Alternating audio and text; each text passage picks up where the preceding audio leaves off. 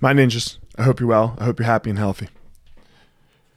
So, when you do all the things that we talked about this week already, deny the collapse, get uncomfortable, it's going to allow us, all of us, to start living our life out of vision and not circumstance. Again, let's live our lives out of vision and not circumstance.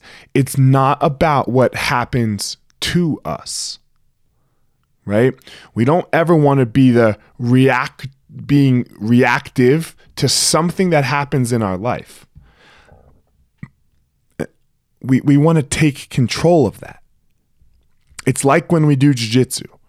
Of course we're going to have to react to our partner, to the person that we're training with. But what we want to be able to do is we want to lead them down a path of known reactions so that we know where they're going to go and then we can react off of those two things and then just keep doing that and narrowing that down so that we will find their certain death, which is the tap. That's what we want to do with our life. Things are always going to happen.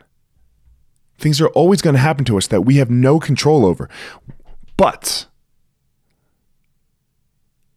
we can make them known in some way we can make them be like, okay, it's one of these three. Okay, it's now it's one of these two. No, oh, now it's this one. That's where we want to go. That's lead, that's living your life out of vision. What what is the overarching thing at the top? What is your north star that you're pointing at? So that you don't just wake up every day and start reacting to the world. Boom, boom, boom, boom. Man, you don't have time for that. That shit wears you down.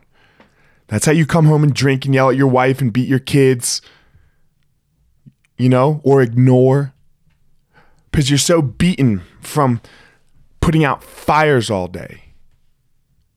Uh uh-uh. uh. What's your North Star?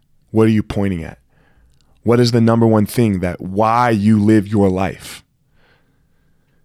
Not how.